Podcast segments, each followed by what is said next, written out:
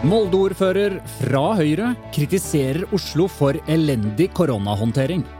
Byrådslederen i Oslo er fra Arbeiderpartiet. Så viser det seg at Molde-ordføreren har snakket tett med statsministerens kontor for å få saken sin ut på VG. Korona er blitt politikk. Norske medier brukes i kampen. Skal de bare godta det? Det lurer jeg på denne uken.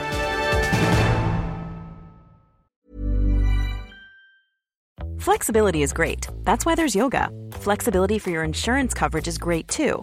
That's why there's United Healthcare Insurance Plans. Underwritten by Golden Rule Insurance Company, United Healthcare Insurance Plans offer flexible, budget friendly coverage for medical, vision, dental, and more. One of these plans may be right for you if you're, say, between jobs, coming off your parents' plan, turning a side hustle into a full hustle, or even missed open enrollment. Want more flexibility? Find out more about United Healthcare Insurance Plans at uh1.com. It's that time of the year. Your vacation is coming up. You can already hear the beach waves, feel the warm breeze, relax, and think about work. You really, really want it all to work out while you're away. Monday.com gives you and the team that peace of mind. When all work is on one platform and everyone's in sync, things just flow wherever you are. Tap the banner to go to Monday.com.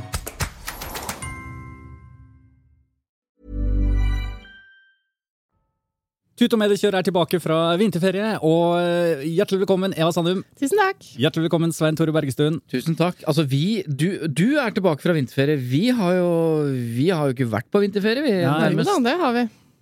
Ja, se her, ja. Vi har bare jobba. Her er det Har du ikke hørt det? komplikasjoner allerede helt i starten. Nei, men Har du ikke hørt den episoden hvor du ikke var med? Nei, altså, jeg hører jo ikke på noe jeg ikke er med på. altså, Hvorfor i all verden skal jeg det? Men uh, dere hadde det gøy her? Ja da, hjemme Ja, alene. men vi savna deg. Vi gjorde det. Ja, åh. Ja da. Eva prøvde seg på en sånn intro, Uh, bare funka Ja. ikke i det hele tatt. Ja, for fordi den hørte jeg faktisk, og så var den så dårlig, Eva. Så da Måtte ta den en gang til. Ja, så, Ja. ja, nettopp. Så da Så de som ikke har hørt den, bør høre episoden bare pga. det, faktisk. Mm. Eller de kan bare fortsette, du som hører på nå, bare fortsette å høre på dagens uh, Det er også en mulighet. Ja. Um, I dag så skal vi altså snakke om uh, det at korona er blitt politikk. Eh, Ja, og det første jeg tenker da, er eh, hvem er overrasket Hvem er overrasket? over at korona har blitt politikk? Nei, ja, nei, jo da, det er sant. Men blir har det ikke sånn- vært politikk hele tiden? Jo, men det, du- det er først nå det har blitt sånn som man egentlig skulle trodd at det ville blitt mye før, syns jeg. ja, At man bruker eh, korona og Jeg syns at i Norge sånn frem til nå så har det vært veldig harmoni rundt liksom, eh, håndteringen av epidemien, syns Ja. jeg, sånn, eh, med tanke på politiske partier eh, mot hverandre. Vi, vi kommer tilbake til uh, hovedsaken vår uh, om Ja. litt. Men vi skal jo også selvfølgelig ha lytterspørsmål uh, som skal handle om hvilke etiske regler som gjelder for musikkjournalister. For Ja, eller kanskje musikkanmeldere mest? ja, eller, musikkanmeldere, ja. nettopp. ja. for Men det de jo- går vel under eh, betegnelsen journalister. Ja, Det var veldig pirkete. Er Nei, ikke ja, jo, for så vidt. Jo Men da, poen, det er at det det er ikke journalistikken vi lurer på, det er jo anmelderiet. Ja, ja, Fordi men det er de skriver en tekst som blir publisert i en avis, så det er journalistikk. Men det er- hør det er her, da! Skal vi begynne å krangle så tidlig? Det er jo Men, eh, men Svein Tore, det er på grunn av de herlige, knusktørre innfallsvinklene dine som det er derfor vi elsker deg. Det er derfor du er, sitter i Tut og Mediekjøretøy. Okay. ja da, det er sant. det er, det. det er det det er. Men la oss aller først ta en liten runde rundt bordet. Eva, du kan begynne. Og eh, for nye lyttere, runde rundt bordet er jo selvfølgelig en liten runde vi tar aller først. For eh, er det noe som har ergret oss, gledet oss, i den norske mediebransjen denne uken? Oi. Nå følte jeg hadde en kjempeintro, og så bare datt det ja, deg deis ned. tenke, Nå begynte jeg med sånn flisspikkeri denne uken. Altså, det går litt inn i vinterferien, for jeg tror Ja. det var da jeg la merke til at eh, eh, det er kommet en ny sånn eh, advarsel foran en TV-serie. Vi snakket jo mye eh, underveis i den Mm. eh, saken om nissen over skog og hei, som Discovery eh, eh, surra litt med. Ja, først Ja, tok vekk, først- og så merka de den etterpå. Beware. Nå kommer du til å se noe veldig krenkende. Ja, og, Og det førte til jo det- til en uh, skikkelig debatt eh, Ja. om hvorvidt det var nødvendig å gjøre, da. Grunnen til det var jo altså at uh, Espen Eckbo hadde blackface i en av sine karakterer, mente noen. Mente mener jo, noen, ja. noen mener jo ikke det. Ja, Ja. Ja, men du, så, du snakker Eva som om ingen ja, der, Folk glemmer. Folk ja, glemmer. nei, det er bra, det. Eh, og det som har skjedd nå, er at eh, gode, gamle Muppet-show, da. Muppet-show. Muppet Hvordan er intromusikken? Ååå! Oh, oh, den husker jeg jo ikke! Nei. Oh. Spill litt av da, Christian. Er det den?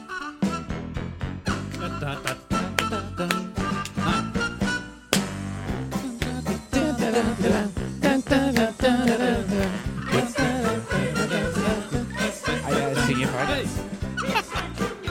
Der! Ja, Eva, hva er det med The Muppet Show?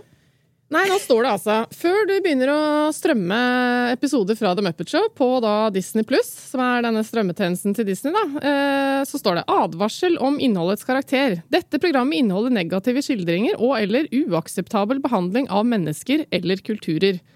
Disse stereotypiene var galt den gang, og er galt nå.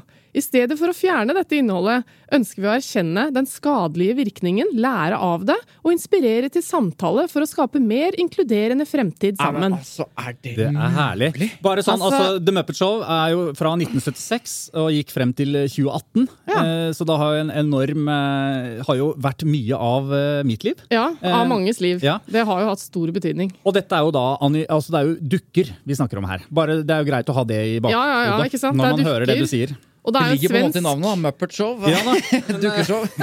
det er jo en svensk kokk sant. som Det har jeg aldri tenkt på. Eh, Altså mitt, eh, mitt sterkeste forhold egentlig til eh, disse karakterene er at da jeg reiste eh, gjennom mange år rundt omkring i verden og, og forholdt meg til mye folk av ulik nasjonalitet, så fikk jeg alltid den kommentaren at å ja, når du snakker norsk, og også når du snakker engelsk, så høres du litt ut som kokken i Muppet Show. Ja. Fordi at man har en sånn skandinavisk, skandinavisk aksent, da. Som er litt den der du, du, du, Så det var du, din du, du, du, referanse. du, du. Du ble bare Ja, Muppet folk Show. liksom fikk Ja. den assosiasjonen veldig fort, fordi vi skandinaver snakker jo litt sånn dansende, mener mange. Men, Sånn. men hva er det man konkret reagerer på her? Nei, det er jo kanskje den, men så er det jo antageligvis også Det sitter to sånne litt eldre eh, gretne karer oppå På den balkongen. Å, legender. Som jeg vet ikke hva, hvem som krenkes da. Er det gretne gamle gubber generelt, Nei, men liksom? jeg, jeg antar at det er, at det er en eh, sjargong og en måte å beskrive andre mennesker på. Enten, altså Før så brukte vi ordet neger, det gjør vi åpenbart ikke. Altså Den type ting som vi har sluttet med i en serie som begynte på 70-tallet. Det er klart at disse folka og disse karakterene snakker uh, i en sjargong Ja. og, en, uh, og eh, Det kan med, med ord og, og vendinger som eh, ikke hører hjemme i dag. Sånn er det med alle serier som er lagd på 50-, 60-, 70-, 80-tallet. Ja, det er det, ikke sant. Ja. Men hva, hvordan gjør man det der i, i norske aviser og mediehus? Etter hvert så har man jo en historikk. altså Aftenposten har jo holdt på i, siden 1870-tallet, vel. Ja. Eh, så de har jo en enorm historie, og bak der vil du jo finne jødehat, du vil finne rasisme. eh, og hvordan forholder en avis seg til sin historikk på den måten? Ja, De merker i hvert fall ikke artiklene sine, men det er klart, som du nevner i Aftenposten, så har det jo vært en stor offentlig debatt om eh, har, de tak, har de liksom tatt nok oppgjør med sin fortid osv. Men, men de merker jo ikke, og jeg må bare si, jeg er ikke sånn at jeg mener at all merking er helt på trynet, men den merkingen her, som er skrevet av en eller annen eh, Ja, jeg skal holde meg for god til å si hvem denne kan være skrevet av, men når det står disse stereotypiene var, galt den, stereotypiene var galt den gang, det er galt nå, og istedenfor å fjerne dette innholdet, ønsker vi å erkjenne den skadelige virkningen, lære Altså, det er så, det er så voldsomt, liksom. Ja, det er jo litt som, eh, som man eh, opplevde at det var kritikken eh, som endte opp med å, å nærmest bli mot Espen Eckbo da, i, i Nissen. ikke sant? At det, det ble til slutt Det handlet om at han hadde gjort noe galt som han ikke nødvendigvis hadde. Altså Man tar veldig stilling da, når man skriver en sånn tekst som du, den du leser nå. Ja, og bare, Man kan jo problematisere.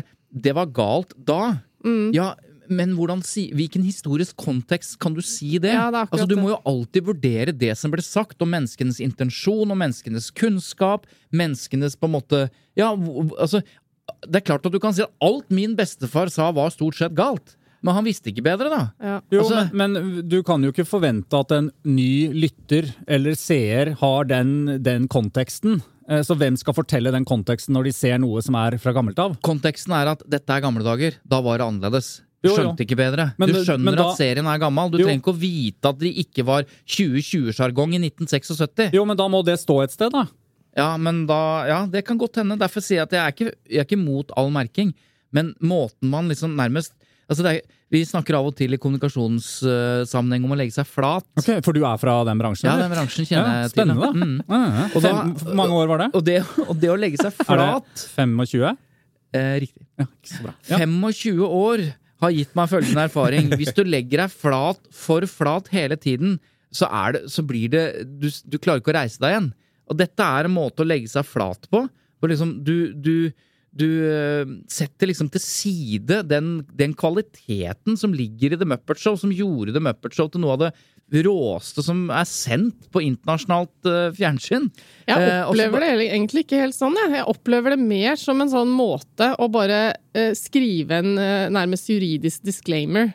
Og komme unna med den enkle løsningen. Jeg, jeg føler det er mer sånn at vi, vi beveger oss i en retning av at alt må merkes med advarsel og obs, obs, og vi tar forbehold og avstand fra og sånn, i, i, i tilfelle noen kan tenkes å oppleve seg krenket. Det er det jeg egentlig reagerer litt på. For at det, det kommer liksom til å ende eh, et sted, eh, i verste fall, hvor absolutt alt må merkes med forbehold. Da. Eh, og det er liksom Hos meg så går den grensen veldig der at eh, når du krenker eh, et enkeltmenneske eh, veldig tydelig, så syns jeg det fort blir problematisk.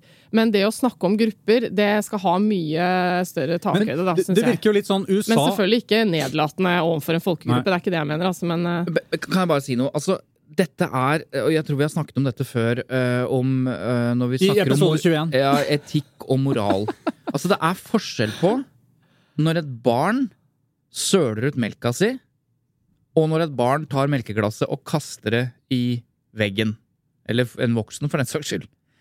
Altså, intensjon er ekstremt viktig for å vurdere om noe er galt eller ikke galt. Det betyr at hvis du ikke forstår at det du sier, ut fra historisk kontekst eller sånn som man snakket den gangen Hvis du ikke forstår den gangen Det betyr ikke at det, ikke- det, ikke, at det ikke var galt. Det betyr bare at du kan ikke du kan ikke, Vi kan jo ikke reise tilbake i tid. Altså, Vi må kunne si at det som ble sagt der, var ikke ment støtende. Det var ikke ment galt. nei.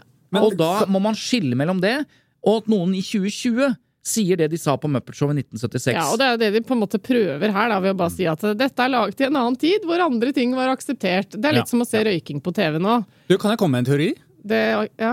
Kom med en teori, Kristian. Fordi jeg lurer på um, alt, at alt skal på en måte Ikke se på mobilen når jeg kommer med en teori. Nei, Svein vet du hva? Nå fikk jeg en kjempeviktig melding, men, eh, fordi jeg har stilt inn telefonen at det er bare hvis det er superviktige meldinger at eh, jeg Ja, Da må du si det høyt. tror du på det, for det er det jeg sier til barna, nemlig. Ja, hva, hva var det du fikk, da? Nei, jeg fikk bare melding om at det var uh... Nyhetsvarsel om at uh, ny deltaker i Paradise Hotel, eller Nå drar Italia hjem fra VM? ja. Ja.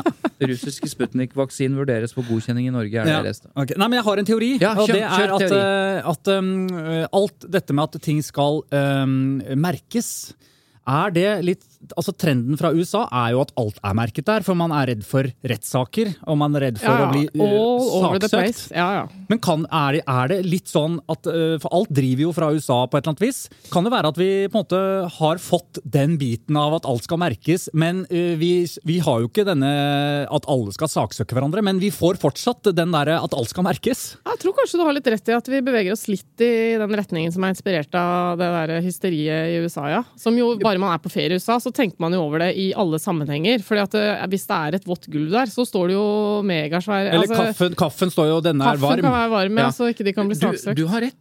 Ja. Altså, på flere områder. Flere enn det du tror, eh, tror jeg. Ja, fordi det er bra du vet bedre enn meg. Ja, det var det måten å si det på. da, at Nå har jeg tenkt på teorien din, og Ja, ja. nå skal jeg gi deg kjemperett. Ja, tusen takk. For det første så har vi adoptert mye av denne debatten rundt identitetspolitikk og krenkorama og alt det der, som oppstod eller oppsto, det var veldig ekstremt mye som skjedde på amerikanske universiteter knyttet til identitetspolitikk og, osv. Eh, som jo vi kjenner fra, fra Norge nå det siste året også. Men det du sier med denne merkingen, bare som et eksempel. Altså Prekestolen, da. Som er en av våre største turistattraksjoner. Hvor det er et platå. Og hvis du går utfor det platået, så faller du ned. Da dør du. Ja. Det står ikke noe merking. I hvert fall ikke på kanten. Nei. Eh, og eh, hvis du drar i amerikanske nasjonalparker, og du, liksom, så er det en helt annen type liksom, opplegg for å merke. Jeg var eh, en gang på Hawaii og skulle dukke ned i en annen slags sånn der, kilde, eller svømme rundt. Så var det sånne svarte og gule sperrebånd med advarsel om at Ja. her var det vann. Det veldig Her kan du drukne! Altså, men faen, eh, selvfølgelig, jeg skjønner jo det, men så du har rett at denne, denne enorme merkingen for de redd for at noen skal saksøke, jeg tror det er helt reelt. Men vi trenger jo ikke å drive med det. Nei, vi gjør ikke det. Men det er Det- interessant, det, for amerikanske turister i Norge, når de går i fjellheimen og sånn, så er de jo sjokkert over eh, hvor mange steder man har lov til å gå, mange- og man faktisk kan falle ned og miste livet. livet. Nei, men det er, Ja, ja, er eh, i- ut ifra amerikansk eh, logikk, så, så skal det ikke være sånn. Så Fordi- teorien din, logikken er da følgende at vi har ikke tatt etter USA på merking av turiststier der du kan falle ned og gå. Vi bør ikke ta etter Disney når det gjelder merking av Muppet Show. Nei. Nei. Det var fint. Dere, vi går videre. Eh, Svein Tore, har du noe til runde rundt bordet? Ja, altså øhm, Jeg pleier ikke å følge så godt med på hva som skjer down under. Jeg er mer øh, interessert i det som skjer over dammen, hvis dere skjønner. Åh. Tok dere den? Ja, Ja, vi gjorde det. Veldig okay. fine eh, bilder og kjempebra engelsk og uttale. Veldig bra. Down under. Get out of the way, Doby! Som Crocodile Dundee sa. I, vi, skal, vi skal altså til Australia. Eh, Og jeg, Det tok litt tid før jeg skjønte at denne, denne bruduljen med Facebook og australske myndigheter faktisk var ekstremt relevant uh, for oss. Kan jeg få lov å skyte inn at det var var da jeg eh, tok opp saken med deg, at, eh, og du var litt halvinteressert? Det var etter det du begynte det er å undersøke på egen hånd? Dere, dere har tydeligvis vært på vinterferie, for dere kakler så vanvittig i munnen på okay, hverandre. eh, sorry. Eh, Eh, Kan, jeg aner ingenting om den saken. Hva er Skal saken? du være ordstyrer nå? Ja. Takk. Ja. Ok, hva er Saken er uh, veldig veldig enkelt og kort forklart at uh, australske myndigheter har sett seg lei på at uh, Facebook og andre sånne store tech-selskaper og plattformer nærmest kan formidle nyheter fra australske nyhetsmedier da, og tjene masse penger på det. Uten at australske medier får liksom kompensert for det. Sånn Ja. er det jo. ikke sant? Man, det er jo fordi australske medier deler på disse plattformene. Så, eh, og det er en krig i hele verden eh, myndighetene eh, har med i alle land med Facebook. Det handler annet om skatt, det handler om mange ting, og kontroll og makt osv. Og så har det gått da et, til et skritt da, hvor australske myndigheter liksom sier at sånn kan det ikke være lenger. Eh, og så har Facebook reagert på det, og da stengte de mulighetene i det hele tatt for å dele Facebook nyheter. Facebook. Mm. På, på Facebook. Ja. Det fikk mange I Australia. litt- i Australia. Mm. Det fikk mange litt sånn eh, dårlige konsekvenser, eh, som både Facebook og australske myndigheter skjønte. Så de begynte å snakke sammen, og så har de funnet en eller annen slags løsning på det nå. da, For de kunne ikke ha det sånn. Poenget er at eh, dette her går rett til kjernen. eh, til hvem er det som skal formidle nyheter? Eh, hvem er det som er redaktører for dette, og hvem skal få betalt for det? Ja. Dette har vi snakket om i mange episoder. eh, og dette er veldig interessant å følge med på hva som skjedde i Australia. For det er første gang det har skjedd en sånn type konflikt mellom Facebook og et land. Eh, så dette, ja, dette syns jeg var interessant, da. Ja. Det Eva, som du er- hadde to fingre opp. Var det replikk? Vær så god. Ja, for jeg skulle bare kommentere på at uh, det, dette er jo en debatt som uh, norske medier også har vært engasjert i veldig lenge. Problematikken er jo internasjonal. ikke sant? Det, det er jo et problem for alle mediehus som sliter med inntekter for å kunne gjøre den gode journalistiske jobben de vil gjøre. Eh, Som, som eh, går til Facebook og Google og andre plattformer. Fordi det har blitt en distribusjonskanal. da. Så dette er jo et problem eh, i det norske mediehuset nå. Hvorfor eh, skal vi akseptere at eh, våre annonseinntekter eh, går til Facebook fordi vi putter innholdet vårt der, og så er det de som for, Ikke sant? De, ja. Men det som, er, eh, det som er litt interessant, er jo at det, det er nok en gang en sånn sak da, hvor mediene på en måte bare eh, leverer eh, produktet sitt eh, gratis ut som en teaser, sånn som de gjorde da nettavisene startet også. Da var alle nettaviser åpne for alle, og vi vente oss til å klikke rundt, og det var liksom aldri noen betalingsmurer og sånn i starten. Og så når det da kommer en slags eh, betalingsløsning, som skulle bare mangle, egentlig, så reagerer folk, fordi man har vent seg til. Og sånn har det jo blitt litt nå også, at eh, alle journalister, mediehus, de putter jo enhver sak nesten ut i feeden Men på er et Facebook, så dette har det jo på en måte vært litt motvillig Ja, det det med blitt- på, ja. ikke sant? Men det er jo blitt eh, mye mer restriktivt nå. restriktivt nå da. NRK har jo blokkert veldig mange av sine Facebook-sider. Mm. Ja. de- de men, men dette er et dilemma. Dette er et dilemma. ja, absolutt. For, fordi at mediene tenker som at uh, alle er på Facebook, så hvis vi skal bli lest annet av yngre, da, så det er derfor de jobber med Snapchat-nyheter og sånn, så må vi vise at eh, ikke sant, er VG-saker, her er en VG-sak, Mm. og så gir de den gratis, eller publiserer den på plattformer. Håpet er jo at det skal dra leserne tilbake igjen til plattformen VG. Er det, gjør det det? Nei, det er problemet. Altså, poenget er at det håper de. Ja. Fordi, det, fordi det er bare Facebook som tjener på at de legger nyheter på Facebook og, og Snapchat og sånn. Men de må hele tiden tenke at det er en som Eva sier, det er en teaser for å dra de inn på våre plattformer. Hvis de ikke kommer på de plattformene tilbake igjen, Og det er jo noe, mye som tyder på at eh, det er mange som klarer seg helt fint med det som kommer på Facebook-plattformen. Trenger ikke forholde seg til Altså, eh, det, det fører jo til mye klikk på den enkelte artikkelen som blir delt ofte, selvfølgelig, og der er det jo annonser osv., men det er jo eh, mye som også bare kan konsumeres Ja, ved å liksom det er i hvert fall et dilemma. Hvor mye skal du gi bort, og, hvor, og hva gjør det med trafikken på egen plattform? Og der, du kan si at de har litt seg selv å takke, men samtidig, eh, de må forholde seg til at de, plattform, de plattformene er så store, og det er der folk bruker mest tid. Så på Ja, et eller annet altså, tidspunkt jeg, må du finne mener, en balanse jeg mener der. ikke at uh, dette, dette har Facebook rett i. Det var bare et poeng at, eh, at det er litt sånn klassisk det at det, man begynner med å Mm. tilby alt, og Men- så når man oppdager at det blir et problem, så er det veldig vanskelig å snu. Da. Det var bare det. Altså, Ja, jeg mener jo også at eh, mediene bør få betalt Ja, for for den jobben men de gjør. du skulle jo egentlig ikke komme med et poeng, du hadde jo replikk. Ja, den var veldig lang, ikke sant? Så Men- hvis du kan være nøye på det, at innlegg hvis- men eh, hvis- Replikk trenger ikke å være poeng, det er bare innspill. Ja, Og Hvis fingre. Eva viser én finger, Ja. så kan hun få snakke lenge. Men to fingre må hun snakke kort. Og Ja. det gjelder for så vidt meg òg, da. Og knyttneve, det er, da kan du snakke uendelig. Nei, saksopplysning, det er jo den Ja, timeout-ringeren. da er jo- da må du inn for å oppklare, for da har Eva sagt noe feil. Så hvis jeg gjør sånn da, eller omvendt, da, så, så vi er fint hvis vi kan innføre det. Men ja, nå har jeg et poeng, så det er én Å, finger, herregud, eller? én finger, ja. Nei, for altså, Facebooks argument her er jo at eh, de tilbyr en plattform for innholdet til mediene Mm. som, mm. som gjør at de når bredere ut. Ikke sant? Så det er jo to sider av denne saken, og det Ja. er det som er problematikken. Og Facebook sier vi har jo ikke um, um, tvunget dere eller bedt dere om å dele dette på vår plattform. Dere gjør det helt frivillig. Så, Ja, og og så hvis dere sier ikke vil mediene det uten oss, hva har Fine. dere da?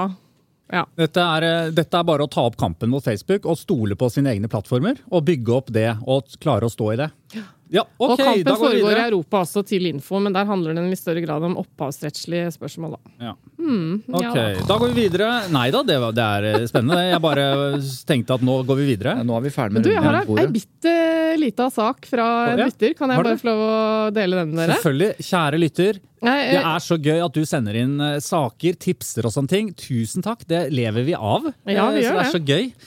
Så gjør det fortsatt. eh, Send inn eh, tips, For- vink eller eh, spørsmål til eh, tut. eh, Krøllalfalydproduksjoner.no. Er du ferdig nå? Kristian måtte bare ha denne, denne. Det, det, det, er- det er faktisk radioskaden min. Er man i gang med de der eh, vanvittige Åh, klisjeene? Si fra da når jeg kan snakke. Ja, vær så god, Eva.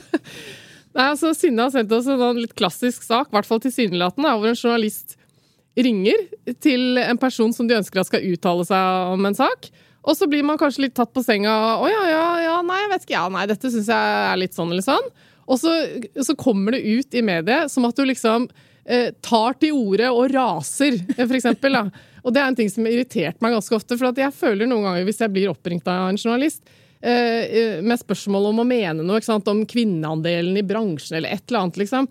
Og så med en gang du er dum nok til å komme med en eller annen uttalelse som er litt spiss i en retning, så står du i fare for å bli fremstilt som at det, det nærmest er du som har plukket opp telefonen og bare ringt eh, alle medier i håp om at noen skal liksom ta Høre saken. Deg! deg! Og eksempelet da til, eh, til Synne er eh, at det er en ordfører da, i Hvor er dette her igjen, da? I Rør, på Røros. Røros, ja. Eh, som eh, blir bedt om å kommentere en sånn pornoinnspilling som foregår i lokalområdet. En hva for noe? Pornoinnspilling? Hvorfor ler du i det du sier porno? Nei. Må distansere seg litt fra det. Ja, ok. Ja. Mm. Ja, kom igjen.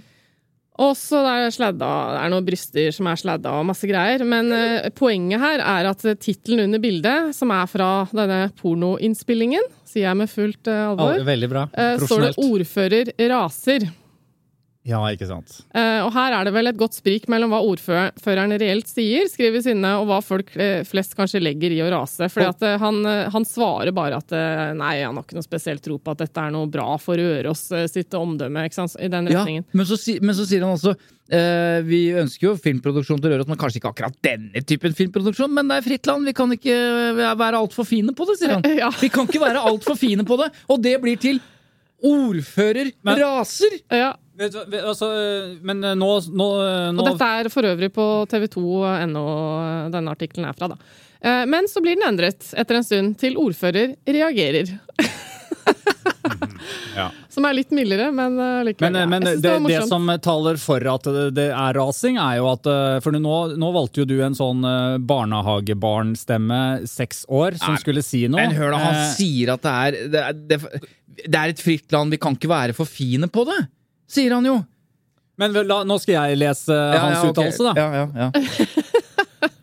Det er jo i utgangspunktet ikke noe vi ønsker å bli assosiert med. Vi ønsker å assosieres med litt andre verdier. Ikke sant? Da er det og kanskje rasing. Og den eneste rasingen her er stemmebruken. For Ja. det du fortsatt sier, er jo ja, det er i utgangspunktet ikke noe vi ønsker å bli assosiert Ja, men det høres så mye koseligere ut når du Ja, sier men det er ikke, du må jo lese det som står, for at TV 2 har jo ikke lagd en sak. De har skrevet en sak, så vi hører jo ikke stemmebruken. Nei, men det vet jo ikke seeren eller skriveren eller Nei, lytteren! dette, her, dette er et klassisk eksempel, mener jeg, Ja. på helt sånn bevisstløs desking. Helt bevisstløs desking. Du har en kime til noe bitte litt kritikk, og så Vi skriver raser, vi. Ja, og så syns jeg det er bare et godt eksempel på noe som ikke nødvendigvis er noe stort eh, presseetisk brudd og osv., men mer en, en utfordring fordi at eh, hvis eh, intervjuobjekter stadig opplever denne type fremstilling som de ikke kjenner seg igjen i, så er ikke det bra. Jeg protesterer. Jeg mener at det er et klart presseetisk brudd, men saken er så liten og så fillete at det aldri ville blitt meldt inn på FFU. De hadde antageligvis ikke felt det, men det er et klart brudd på, på, øh, øh, klart brudd på presseetikken.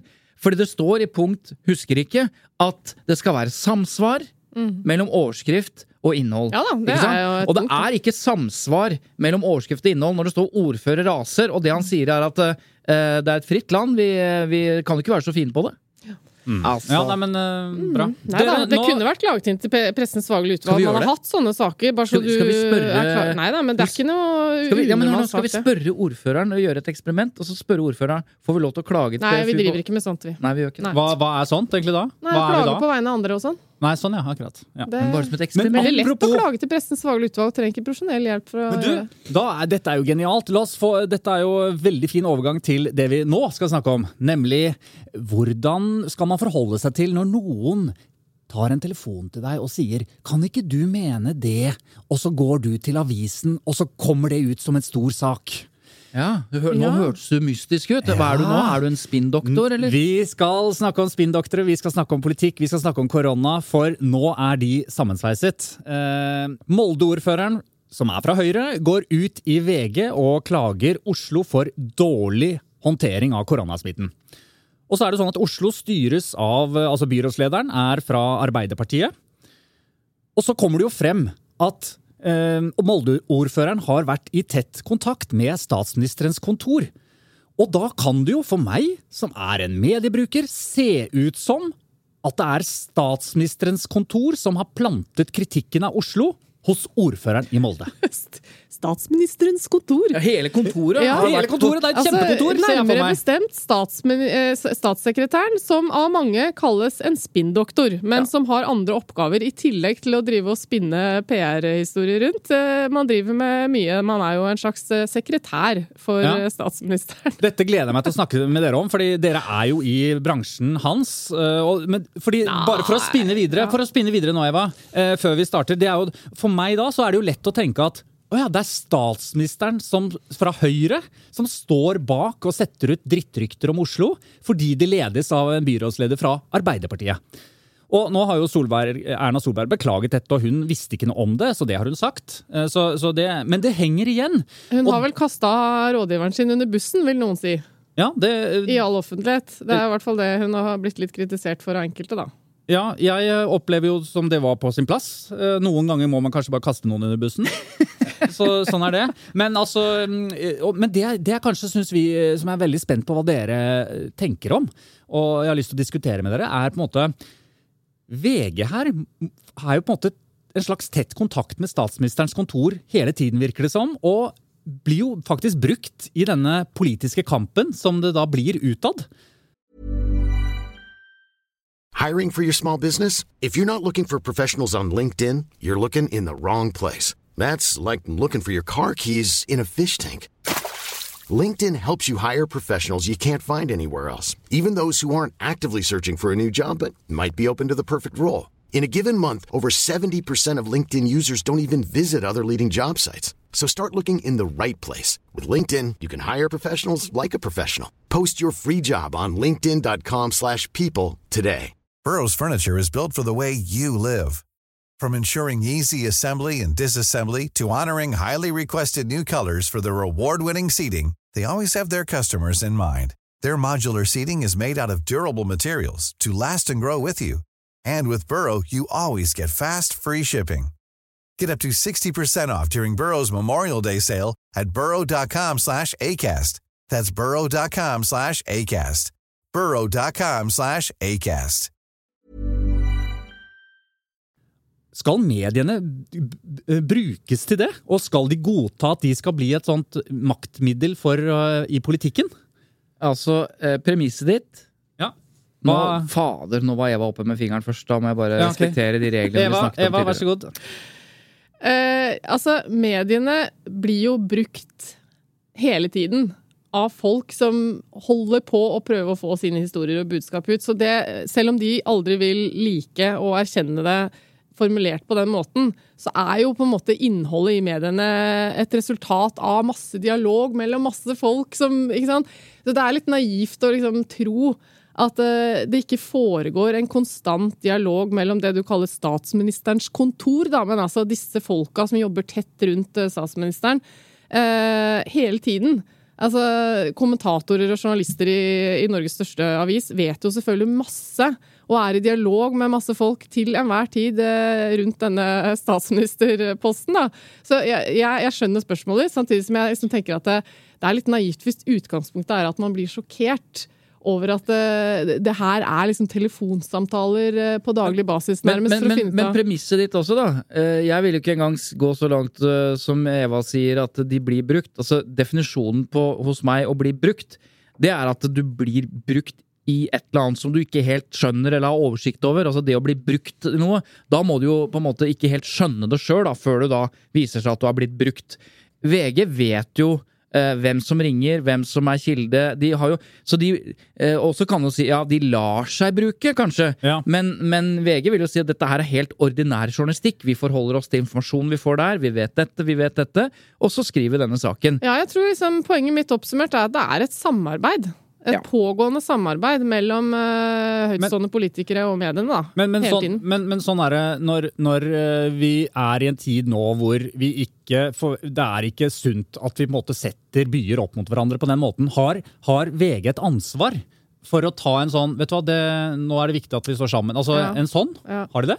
Nei. Nei, altså De har jo ansvar for å skrive nyheter. Men det som er veldig interessant her, er at det, det er jo NRK som avslører at statsministerens kontor har vært involvert i denne saken. Og så skal det sies, da, bare for å være presise, at det statsministerens kontor har sagt, og statssekretær, er at han har vært med å formidle kontakt med, med Molde-ordføreren. Han har liksom vært med å bidra til at denne saken kom, og det er det hun beklager. Uh, at han har plantet saken hos Molde-ordføreren, det vet vi ikke. Nei, det er og, og Molde-ordføreren sier at dette er mitt initiativ osv. Men poenget er at det er ikke VG som avslører at det er statsministerens kontor. Og grunnen til at de antageligvis ikke gjør, velger å avsløre det, er at de ser på dette her som kildehåndtering. ikke sant? Ja. Altså Denne samtalen mellom mediene og kilder som Eva snakker om. Der slår jo dette med eh, håndtering av kilder også inn. Hvis man f.eks. skulle si hver gang at denne informasjonen fikk vi fra statssekretæren på statsministerens kontor, denne informasjonen fikk vi fra kommunikasjonsrådgiver i Høyre det, hvis vi Ja, hvorfor fortsatt- kan man ikke det? Nei, for da ville jo informasjonsstrømmen stoppe opp. Ja, hvis hvis alle liksom ble identifisert som tipsere. Fordi Grunnen til at jeg syns spørsmålet ditt er likevel er interessant, er jo at i alle, eller i veldig mange andre sammenhenger, så er jo både vi som publikum og mediene ekstremt opptatt av å, å fortelle oss som publikum hva som er kilden til informasjon. Bakenforliggende Ja, eh, sammenhenger skal, De skal, opplyses ha, om. hvis de, hvis de vet om noe, så er de pålagt å ha noen kilder som uttaler seg. I, i noen unntakstilfeller så kan de være anonyme osv. Men sant? det er jo en kultur for at man skal eh, informere om hvor dette kommer fra. Det er det jo ellers, ikke sant? Det mest eh, spennende spørsmålet her er ehm, Det var det jeg stilte, deg, kanskje? Eh, Nja, altså på, eh, på, på et eller annet tidspunkt Det NRK avslører, er at statsministerens kontor og statssekretæren har vært involvert i å bidra til dette. Og det som er skandalen i det, er jo at det er helt, det er altså helt stikk i strid med sånn som strategien og den åpne strategien til Erna Solberg er nettopp å ikke sette byer opp mot hverandre. Så statssekretæren bidrar til en sak som er stikk motsatt av det regjeringen står for. Både når det gjelder å sette folk opp mot hverandre, men også dette her med den påfølgende saken som handlet, om vaksinestrategi osv., som viste seg å være en strategi som Høyre er plutselig enig med Arbeiderpartiet på. Poenget er at han gjorde kjempebrøler. Men det som er interessant, er at på et eller annet tidspunkt, vet, eller helt fra starten av, så vet jo VG at det er statsministerens kontor som er involvert, ikke sant? Ja. Den saken som da NRK avslører, er jo en større sak enn at en ordfører kritiserer en annen ordfører. Ja. Så spørsmålet er, da ordføreren i Molde på Politisk kvarter sa at han ikke hadde vært i kontakt med statsministerens kontor, er- da visste VG at han løy. Ja. Mm, ja. Men de skrev ikke saken om at han løy. Hvorfor gjorde de ikke det? Hvorfor hvorfor, de ikke det? hvorfor var det NRK som måtte gjøre det? Ja. Antageligvis fordi, NRK, fordi VG tenker at vi kan ikke skrive at han lyver all den tid vår kunnskap om dette er, eh, er en slags kunnskap vi har fått gjennom, eh, gjennom kildearbeidet vårt, og vi må beskytte kildene, eller noe sånt. Men, men Så da- det, så det er det som er eh, Ja, ja, ja. Det er intrikat utrolig, her. Ikke sant? egentlig. Mm. De vet at han ljuger, men de skriver ikke det. Men hvordan er det da med kildevernet? Hvis, er, det, er det da innafor egentlig at NRK uh, frier kilden? Uh, fordi man skulle jo tenkt at uh, de også burde verne om kilden. Nei, det er jo ikke deres kilde. Nei, ikke sant? Så da er det greit. Ja. det er greit i den forstand at hvis de får vite dette her på andre måter, da, de, kan, de har jo da fått dokumentert at det har vært kontakt, de har jo ikke de, de bryter jo ikke sitt kildevern, selv om de blåser en kilde som VG har hatt. Det er jo en, en selvstendig redaksjonell vurdering som de uh, må gjøre. Så det er jo ikke noe problem. Ja, Vi skal nok unngå å gå langt inn i den diskusjonen om kildevern, da, men? Det, dette har vi vært innom uh, i flere saker med Josimar. Og, og jeg tror det som er litt utfordrende her, er jo at uh, det er, det er litt farlig å begynne å misbruke eh, I saker hvor det er litt sånn der eh, lobbyvirksomhet, man driver og planter litt her og der og sånn, men det er ikke nødvendigvis snakk om kilder som må beskyttes, da, fordi de står i fare for eh, noe alvorlig, ikke sant? miste jobben eller, eh, eller noe sånt noe, for, eh, ved å komme med et varsel, den type ting. Så jeg, jeg syns noen ganger at det, i sånne saker som det her, så er det problematisk å gå for dypt inn i sånn kildeverns... Ja, og dette ble en debatt nå, ikke sant? for nå er det en journalist som har skrevet et, en kommentar på Medie24 der hun tar til orde for å skille mellom nettopp profesjonelle kilder, PR-folk osv., som driver og spinner og prøver å plante saker, og liksom kilder som, som, som etter kildevernet bør få kildevern osv. Og, Mm. og denne diskusjonen har vi hatt flere ganger i, i podkasten. Ja, vi Men- snakket jo om det med den eh, saken med First House og Vadseth Ja, i forbindelse med nettopp, mm, hvor det var en- venner også. Ja. First House-rådgiver som ville plante en sak hos Medie24 om NRK knyttet til Smiths venner, og så valgte Medie24 å blåse han som kilde, for de syntes det var vel så interessant at han, hans rolle i dette, da. Og så blir det en stor diskusjon. Denne saken kommer kanskje opp for PFU. Ja, og da trenger jo ikke han beskyttelse på den måten som jeg snakket om nå, ikke sant? Men han kan kanskje ha rett til å få lov til å være i dialog med en journalist uten å måtte blåses eh, i den Ja. konteksten. Men det er det som er poenget mitt, at kildevern altså, Ja, det er en ikke- kjempevanskelig diskusjon, men Ja. som Eirik Mosveen uh, sa på Dagsnytt 18 uh, er det? Mo- Eirik Mosveen er en av Norges aller uh, mest erfarne politiske journalister. Jobbet i VG 30 år, nå gått til Avisa Oslo. Og han sier at eh, han, han har forståelse for ønsket om å lage noen regler som gjør at det ikke blir så lett å plante sånne saker. ikke sant? Forståelse for uh, å komme med forslag som kan øke tilliten til mediene. Men han sier det er ett problem, problem jeg aldri har hatt som journalist, og det er at jeg har visst for mye. Ja. Underforstått, jeg vil gjerne hele tiden ha så mye informasjon som mulig, og hvis vi begynner å oute PR-folk også som kilder, så stopper informas viktig informasjonsstrøm øh, fra, fra den type profesjonelle Men- kilder. Det lurer jeg på litt, Stein Tore. Fordi du, du har jo jobbet som kommunikasjonsrådgiver i, tett inn i, i Arbeiderpartiet, sammen med Hadia Tajik. Ja. Og Kan du fortelle litt om hvordan den der jobben der er i forhold til eh, mediene? Hvor tett kontakt er det, og hvordan jobbet du med det? Ja, jeg kan si generelt sett, altså når du er ansatt som kommunikasjonsrådgiver eh, i politikken, som jo da denne statssekretæren er, han har jo et hovedansvar, og dette er litt viktig å si. Den jobben han gjør når han ringer VG, ordførere, prøver å, å liksom rigge kritikk og saker, det er helt vanlig. Okay. Det er jobben hans. Okay. Det er jobben hans å snakke med ulike departementer, for han sitter på statsministerens kontor og har et slags sånn koordinerende ansvar for å sørge for at liksom kommunikasjonen eh, går bra. Det betyr at han kan snakke med Bent Høie om en sak, og så Dette er jo kjempebra, dette kan ordføreren i Molde som var på. Smart. Og så kanskje VG har lyst på den saken. Ja, da ringer jeg VG og hører om det. Og så går jo VG inn i dette med åpne øyne, for det er jo, de vet jo hvem Ja, det er det jeg som mener. er det Da er det et ikke sant? samarbeid, ikke sant? Så Ja. alt det han har gjort i denne saken, rent bortsett fra at han har eh, gjort det motsatte av det statsministeren ønsker, det er helt fine. Men er det sånn der, er det sånn der um, eh, sånn um, kamp om å få mest mulig på trykk, mest mulig meninger ut? Er det en, en sånn Det betyr jo det, Jeg vil jo se for meg det kan være et bra bilde på at du gjør en god jobb, da, hvis man er i en sånn eh, Ja, det, det er ikke bare å telle antall oppslag. Her handler det om de, alle partier, og spesielt i et valgår, har jo helt klare strategier. De, sånn, Høyre vil gjerne ha ut dette budskapet. Denne kritikken mot Arbeiderpartiet, sånn som eh, tidligere har vært. da, Vi skal dunke ut at eh, Jonas Gahr Støre er vinglepetter, og vi skal dunke ut De har sånne klare sånne talepunkter på konkrete saker og generelt budskap. Og jo flere av de eh, de får planta da, i, i ulike medier, jo bedre er det. Og da leser folk ja, Jonas er vinglepetter, ja, det sier Høyre, og det har de sagt nå lenge. Kanskje de har et poeng. Og, og? Dette jobber de med hele tiden. Ja. Og igjen så tenker jeg da Skal mediene brukes på den måten? Ja, men de, ja, Hva skal mediene gjøre Jo, hvis men- de jo, ikke men- skal skrive saker som som for politikere? eksempel med Gahr Støre, så Ja. har vi jo snakket om eh, Ja. at, at eh, Og der var det jo et oppvaskmøte også. Altså TV 2 bare banga ut Oi, ja.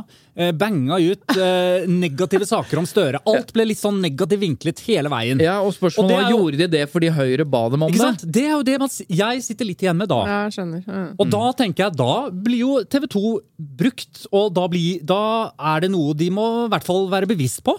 Ja, Det er de, tror jeg. Ja, alle redaksjoner gjør altså det, er det, det er dette jeg syns er Altså Man må ikke tro at fordi at det kommer et tips eller et, et ønske fra Høyre eller fra Arbeiderpartiet om at kan ikke, kan ikke dere i VG lage denne saken her? Mediene er fullstendig avhengig av, av informasjonsflyt. ikke sant? Hvis man eh, snur litt på det, da, helt flåsete at uh, Hvis man så for seg at uh, verden, altså nyhetsformidlingen var fullstendig avhengig av at en journalist eller en redaksjon bestemmer seg for å plukke opp telefonen og ringe til et av partiene for å høre har dere utformet noen ny politikk i det siste? Ja, har dere fått dere noen noe nye ideer? nå? For at, eh, sånn som nå når eh, denne, eh, altså, når venstresida hadde dette utspillet med fergepriser osv., så, videre, så sitter de og jobber politisk med hvilke ideer de skal ha inn i partiprogrammet sitt og opp mot valg og sånn. Og selvfølgelig da er jo kommunikasjonsjobben er liksom hvordan skal vi få dette ut? eh, På hvilken måte? Hvem bør ha utspillet? Så jeg vil jo anta at det er sånn det er jo, I enhver bedrift så er det jo litt sånn Vi har en god sak her, vi må få den ut i verden. Ja. Da er det jo liksom Og det er sånn? Jeg bare, bare si det, det minner meg så sykt mye om da jeg jobbet i Radio 1. For da skulle vi ha sånn eh, Da, da ringte jeg altså til, eh, til um, Veisentralen for å høre om hvor det var køer. For det skulle vi rett ut på lufta med på Radio 1. Og da var det sånn eh, Ja, er det noen køer nå? Ja, nei, det er helt greit, det. ja. Syv minutter senere. Ja, er det noen køer nå? ja, ikke sant? Og da, det, da var det fortsatt ikke Nei, det er fortsatt helt greit. Ja. Nei, det er jo derfor det også er mye altså, steder hvor journaler altså, Mediene følger jo med i rettsavgjørelser og alt som er av offentlige dokumenter. Som, altså, det er jo steder hvor mediene hele tiden kan få informasjon uten å måtte oppsøke det. eh, ved å ta kontakt med folk, da. Eh, Men, men det, er, det er jo også en sånn eh, Jeg vil jo si at det er den beste journalistikken, vil jeg si, hvis det går an å lage et sånt eh, en hierarki på det, så vil jeg jo si det er jo den beste journalistikken den som journalistene selv graver frem, og ikke får servert av statsministerens ja, det er kontor. Er det mulig å sette en sånn eh, rangering? Ja, ja. Ja, ja, ja det kan man selvfølgelig, men poenget er at vi, eh, det- drives politikk i et land. Statsministeren og regjeringen bestemmer ditt og datt, og Arbeiderpartiet og andre opposisjonspartier mener det om det. Ikke sant? Hvis, hvis regjeringen sier nå, har vi, nå vil vi gjøre dette innenfor korona, vi vil, eh, vi vil sørge for at uh, Oslo får vaksiner, flere vaksiner, sånn som det har vært diskusjon om, nå vil de det. Hvis da eh, Venstre eller Rødt eller SV eller noen bare sier fy faen, det er vi kjempeuenig i, og så ringer kommunikasjonsrådgiveren i et eller annet parti til VG og sier det regjeringen har gjort nå, det er skikkelig feil. Og, så, og, så, og så setter de det på trykk, da, fordi kommunikasjonsrådgiveren sier at her kan det stille opp masse politikere som kan mene det. Og så sier Christian Marstrander, spør du, blir VG brukt nå i dette her? Nei, de blir jo ikke det! De, de får jo presentert en veldig sterk mening på et politisk vedtak Ja. eller et eller annet sånt. Ja. Det, er jo, det er jo sånn på en måte debatten må gå. De, jo, de blir ikke brukt hver gang de setter noe på trykk, bare fordi de ikke har tatt opp telefonen og spurt Unnskyld, lurer på hva du mener om det her. Ja. Ok, nei, men Det er kjempebra. Da har vi jo en konklusjon for første gang i Tut-historien. Altså, Det er greit at mediene Blir eh, brukt. blir brukt. Det står jo i Vær varsom-plakaten at det er medienes Unnskyld, at det er pressens plikt å sette kritisk søkelys på hvordan mediene selv fyller sin samfunnsrolle. Og nå har du stilt et spørsmål rundt det. Ja. Og dette startet jo fordi NRK eh, valgte å sette et kritisk blikk på hvordan dette hadde foregått i, VG. Ja. Kjempebra. Du, dere, vi har kommet frem til at vi må beklage. Oi! Det har begynt Ja. å bli en Har vi noe... vane. Har vi sagt noe feil igjen nå, Nå eller? har vi sagt noe feil. Det er Hans Olav som har sendt inn. Eh, og han skriver er fast lytter eh, av denne aldeles glimrende podden deres eh, og ønsker å komme med, en tilbakemelding på hvordan dere omtaler folk. Så altså, veldig bra bygget opp. eh, Her er det først ros, men så kommer det Det er, ris. han har vært på kurs Enten gi så er han spesialpedagog, rett og slett. Ja. Ja, fordi jeg, jeg gleder meg til å lese videre. Altså risen. Så det er veldig bra jobba allerede, Hans Olav. Eh, han skriver i episoden 'Hver gang vi drikkes', så uh, dette er dette med Hva var saken, Eva? Nei, nå begynner radiosjuken hans Ja, igjen. Nå skal han om- forklare om hva det var saken. sa. på TV. Vi driter i det. Hvis de er interessert, så får de søke opp den episoden, da. Ja. Greit. I hver gang vi drikkes, eh, altså en episode vi har laget, så omtales Tom Stalsberg i Dagbladet som idiot. Hæ? Ja, det er jo ikke Det bra. var det du som gjorde, Svein Tore Bergestuen. Tom, jeg har Er aldri omtalt Tom Statsberg som en idiot. Og så skriver han videre. For ordens skyld, Tix slaktet Tix Slakte var ført i pennen av Anders Grønneberg. Tom Stalsberg er pensjonist. Fortsett Du å lage bra podkast. Ah, har, jeg Ah, du- sagt, har jeg sagt Har jeg tenkt Anders Grønneberg, og så har jeg sagt Tom Stalsberg? Ja, Det vil si, har du jeg tydeligvis. mente noe annet. Så Altså, dette var flaut. intensjonen din var, som du var inne på i stad Ja. Ja, altså da vil jeg, eh, for ordens skyld Nei, dette er ikke bra, Svein Tore. Tom Statsberg, eh, hvor du enn du måtte befinne deg i din nydelige pensjonisttilværelse, eh, beklager. Det var ikke ment eh, Det, var, det blir feil å si det var ikke ment sånn, for det var ikke han det var, Du sa nei, feil navn. Jeg sa feil navn. Ja. Ja. Eh, Jeg syns du skal så sende han en SMS jeg. ja, og gjør, ta denne beklagelsen direkte. jeg syns du skal direkte. sende han en liten flaske. Blomst. Så bare, Ok. Tom Statsberg, eh, det var ikke meningen å si det var en idiot, men det var nok meningen å si at Anders Grønneberg var en idiot. Okay. Men må jeg da beklage overfor Anders Grønneberg òg? At du ikke sa at han var idiot? å ja. Nei, for poenget var at uh, det var en litt flå... Jeg husker jeg sa det Det er at en personkarakteristikk. ja, jeg, jeg nevnte vel at, uh, at han var en idiot som hadde skrevet dette som han hadde skrevet. Jeg mener jo den anmeldelsen av Tix uh, var utro... Og dette er mange som har brukt mange kraftigere ord enn meg om Grønneberg og hans anmeldelse. Men, eh, men jeg skal beklage allikevel, for det der, vi skal Ja. ikke drive og kalle folk idioter. Da er det så, gjort. så da Da er beklager Men- men, jeg faktisk det også. Men det jeg synes det fordi da har jeg lyst til å lese opp et uh, ukens lytterspørsmål, som handler nettopp om Tix og eh, Anders Grønneberg. Og spørsmålet er fra Kristine, og det er Er musikkanmeldere unntatt Vær varsom-plakaten? Altså bare, Før vi svarer på det spørsmålet, utgangspunktet her er jo selvfølgelig Grønnebergs musikkanmeldelse, altså terningkast 1, totalslakk av Tix, eh, når han sang under Melodi Grand Prix. Dette var jo før Tix faktisk vant. Um, så eh, Grønneberg har jo vært på Debatten og spist opp eh, pannebåndet til Tix. eh, og alt er på en måte litt sånn litt ferdig, men likevel, i denne anmeldelsen så, så skriver jo Grønneberg litt sånn søppelmusikk. eh, Dette har ingen sted Altså, han er ganske krass og går direkte på Tix. Um, så, så det er jo derfor Kristine Kristine spør her. Er musikkanmeldere unntatt Vær varsom-plakaten? Eva? Kan, kan jeg i hvert fall svare først og fremst på det konkrete spørsmålet, og Ja. det er det jo ikke. De er jo ikke unndratt den. Nei, nei. Nei. Altså, de publiserer uh, ting de skriver i uh, redaktørstyrte medier, og da er det ansvarlig redaktør som på en måte må svare for at alt er innafor pressens Vær varsom-plakat. Ok, så, så hvis jeg som uh, musiker får en totalslakt mot meg, som jeg føler er som, som bryter Vær varsom-plakaten, så kan jeg melde den inn til PFU? Ja, men hvis du føler at en dårlig anmeldelse er- bryter, eh, bryter noe Vær varsom-plakat, så er det ikke sikkert at du kommer så langt. For det, det skal jo en del til, eh, selv i en slakt, og selv med ganske sterk eh, kritikk, for at det er et presseetisk brudd. Men det kan være det hvis det er usaklig osv. Altså, det må jo vurderes opp mot plakaten. Altså det, dette er litt eh, Jeg kan ikke huske noe, at det er noen anmeldelser som er blitt meldt inn eh, til PFU. For det, det er jo ikke sånn at uh, du har krav på en, et, et, et, En eller god sam- samtidig imøtegåelse i, uh, En anmeldelse, nei? i anmeldelsen.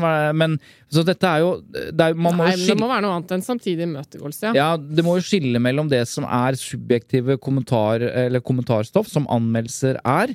Det er jo litt det samme som når en anmelder som Anders Grønneberg skriver noe. Det er jo hans mening, ikke sant? Du kan også skrive inn din mening, en sterk mening, ja, eh, mange sterke meninger. Ja. om noen, og få den på trykk i VG. VGs redaktør må da vurdere disse kommentarene. Er det innafor? Og da vurderer man det på samme måte som man vurderer alt annet i avisen. Og det okay. er som Eva sier, det er ikke noe presseetisk brudd bare fordi noen mener noe veldig sterkt om noe. Men Så det betyr at en musikkanmelder er på samme nivå som en kommentator? Men Det står ikke det samme på musikkanmeldelsene? Jo, men eh, ja, det er riktig det. Altså, en, en, en anmelder er en, helt, det er en helt subjektiv oppfatning og mening. Det er en meningsbærende eh, kommentar om et eh, verk som de har. Okay. Og det er det samme som eh, hvis du har en politisk kommentator som mener at eh, Erna Solbergs eh, pressekonferanse var pinlig, hun kastet han under bussen. Det er en helt subjektiv anmeldelse, kan du si, av det politiske håndverket til Erna Solberg. Det er det Ja. samme. Ok. Jeg har funnet en eh, i PFUs arkiv en eh, Oi. sak om En- en musikkanmeldelse. Oi, det er spennende. Ja, fra 1999. Ja. Vi må tilbake til 1999, ja. Ja, det kan hende det er flere, men jeg har ikke funnet det ved et raskt søk. Ja. Eh, Klageren, Grammofonartistenes forening, altså eh, Grammo, er det ikke det forkortelsen er? Jo. Eh, mener Finnmark Dagblad eh, brøt reglene for god presseskikk da avisen anmeldte bandet Luksus Leverposteiens siste CD. Anmeldelsen inneholdt annet en formulering som klageren mener kan oppfattes som en oppfordring til å gi bandet bank. Oh ja, oppfordring til vold, ja. Uh, Finnmark Dagblad innrømmer at anmeldelsen ikke var typisk for avisen, bla, bla, bla, sånn og sånn. Men det lander på at uh, Finnmark Dagblad, Dagblad ikke har brutt god presseskikk. Utvalget mener annet at det omtalte bandet med sin høyst spesielle uttrykksform også må kunne tåle uvanlig sterke karakteristikker fra anmeldere. ja. Men det, det betyr det ikke at det ikke går an å få Nei da, det går medhold Det går både an å mot eh, melde inn, øh, og det går sikkert an å bli felt også. Det hadde vært det interessant, da. Altså, innholdet i Grønbergs anmeldelse er jo bare Det er en totalslakt. Mm. Han påstår at han tar ballen og ikke mannen. Det gjør han jo ikke. Han tar jo like mye Tix.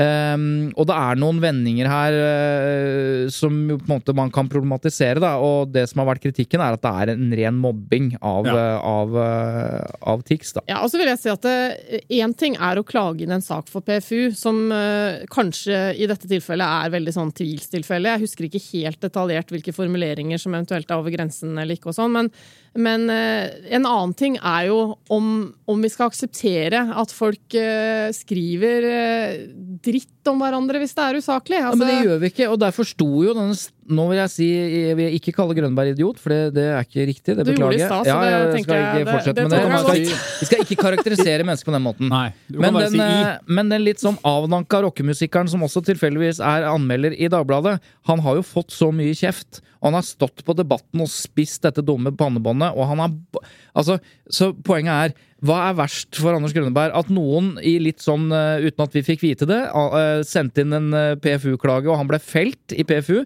Eller er det litt verre å stå for én million seere og se dum ut og spise ja, pannebånd? kan vi snakke litt om den debatten? Dette er jo en offentlig debatt, som jo er helt riktig som Eva sier. At den du trenger der. ikke å melde det inn til Pressens faglige utvalg, men det går an å ta en offentlig debatt om dette. og det er der har vel ikke Grønberg kommet ut Nei, men- på topp. Det er gøy Nei. å høre at du snakker ned PFU og den straffen. Altså, det er noe Eva har slitt og jobbet med i 14 år. Ja, ja. Eh, og så Og er det bare det. forgjeves Ja, ja, det er ingen som er opptatt av det jo, det er mange som bryr seg. Nei, men Presseetikken er også skrudd sammen sånn at de håp, de, det meste av det som skjer av type uenighet og presseetiske brudd osv. Man håper jo at, skal, at man kan fikse det på utsiden av PFU. Ja. Løses så- ved minnelig ordning, heter Ja. det. Det er mange saker som diskuteres eh, med Presseforbundet og vurderes å klages inn, men så blir det løst ved minnelig ordning. Det vil si at avisen eller mediehuset og den som er misfornøyd, eh, finner en løsning. Da vil det kanskje rettes opp i feil eller Ja. beklages eh, uten at det trenger å bli en sak osv. Og hvis du gjør det tidlig og er ærlig og viser virkelig at du mener det, f.eks. hvis, hvis Drammens Tidende har skrevet noe veldig dumt om eh, Drammens ordfører, da, for eksempel, og så sier ordføreren nå skal jeg, dette her er presseetisk brudd og vi skal melde til PFU, og så er Drammens Tidende superraskt ute og sier vet du hva, dette beklager, unnskyld, dette ville vi ikke gjort, og de skriver det på prominent plass.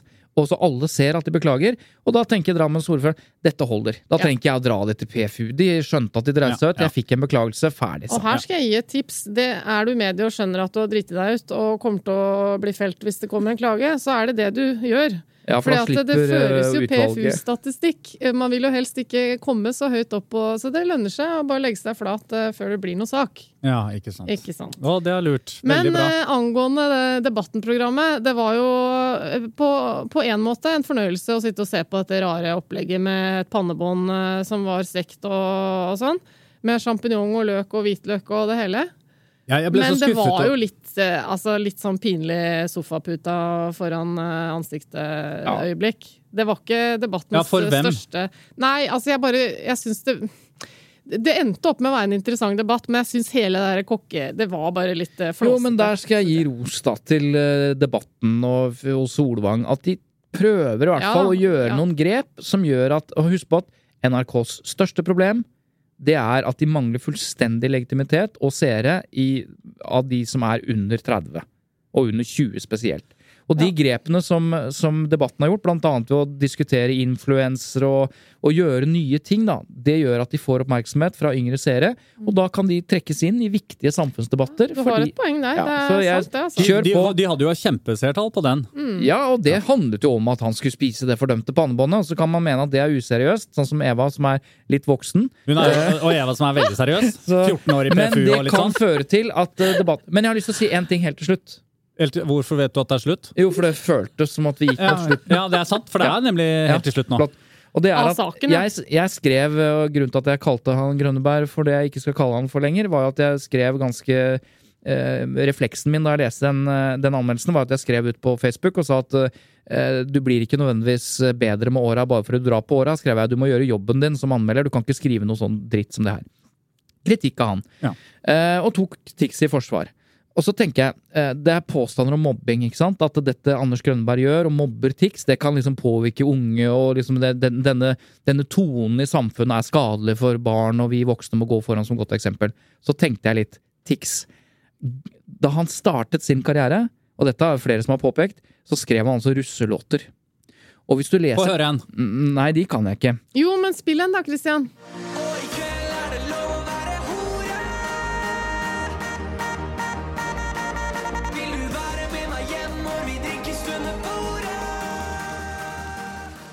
Altså som vi hører her, altså disse russelåtene som Tix har bidratt til, som han for så vidt klokelig har tatt avstand fra seinere, måten de tekstene omtaler jenter på Jeg er da far til eh, mange barn, to av de er eh, jenter i tenårene, eh, eller ferdig med tenårene, men altså Det er så kvinnediskriminerende og så idiotisk og så skadelig, for dette her er jo ikke bare russetekster.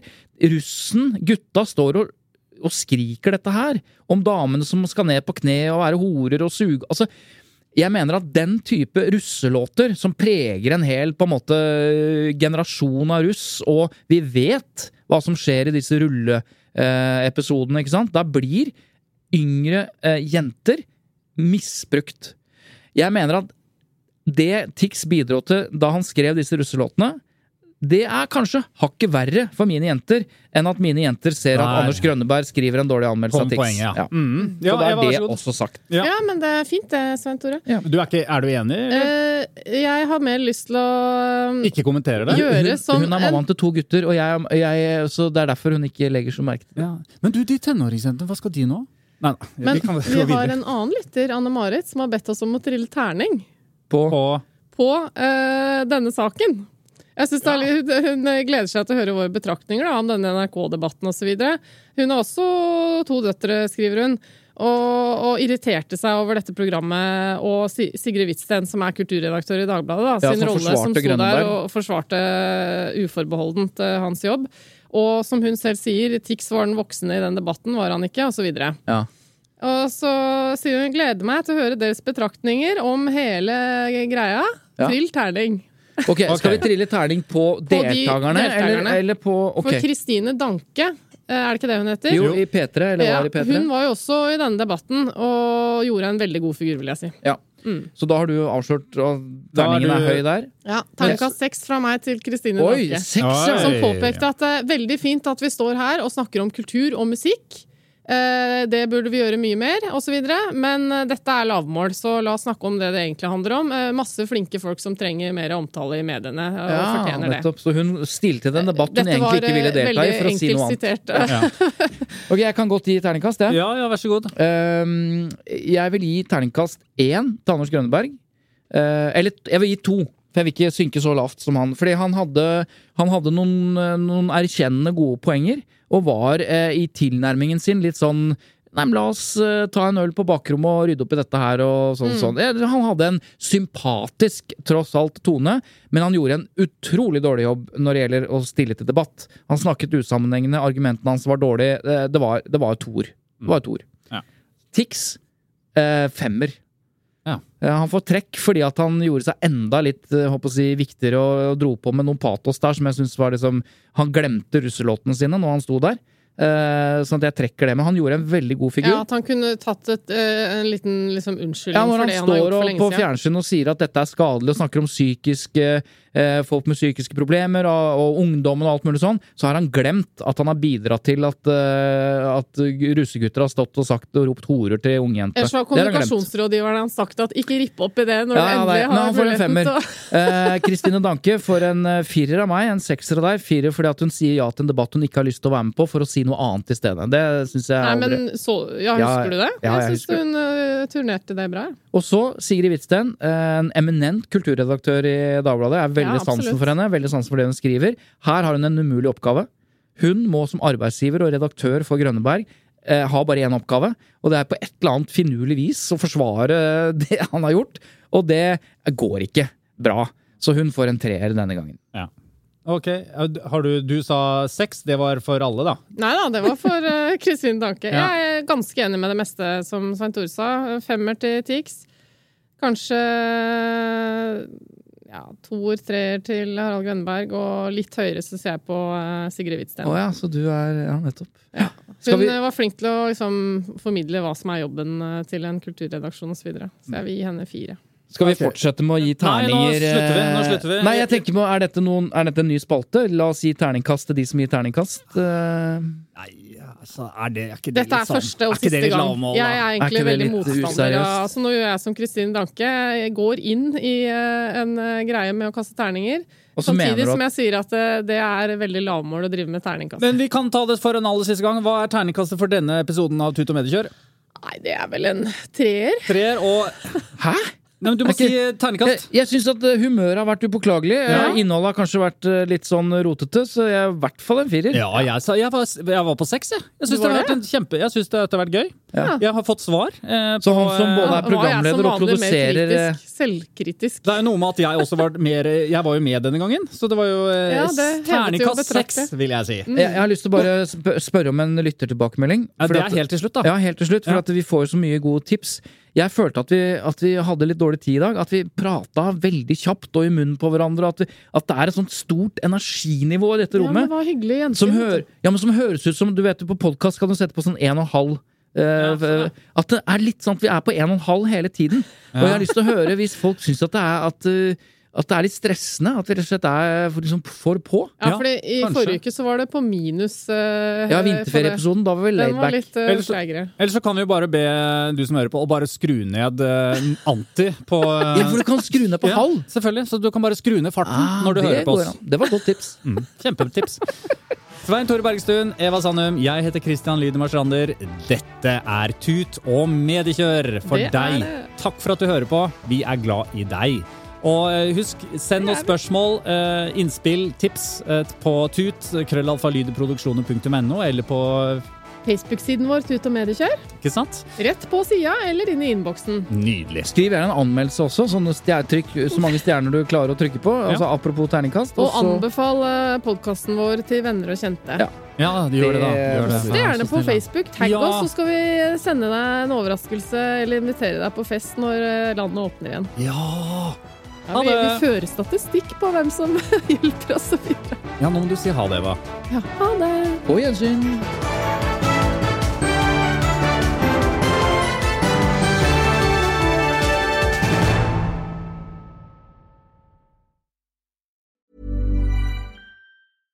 Imagine the softest sheets you've ever felt. Now imagine them getting even softer over time. That's what you'll feel with Bowl and Branch's organic cotton sheets. In a recent customer survey, 96% replied that Bowl and Branch sheets get softer with every wash. Start getting your best night's sleep in these sheets that get softer and softer for years to come. Try their sheets with a 30-night guarantee. Plus, get 15% off your first order at bowlandbranch.com. Code BUTTERY. Exclusions apply. See site for details. Planning for your next trip? Elevate your travel style with Quince. Quince has all the jet setting essentials you'll want for your next getaway, like European linen, premium luggage options, buttery soft Italian leather bags, and so much more. And is all priced at 50 to 80% less than similar brands. Plus, Quince only works with factories that use safe and ethical manufacturing practices. Pack your bags with high-quality essentials you'll be wearing for vacations to come with Quince. Go to quince.com slash pack for free shipping and 365-day returns.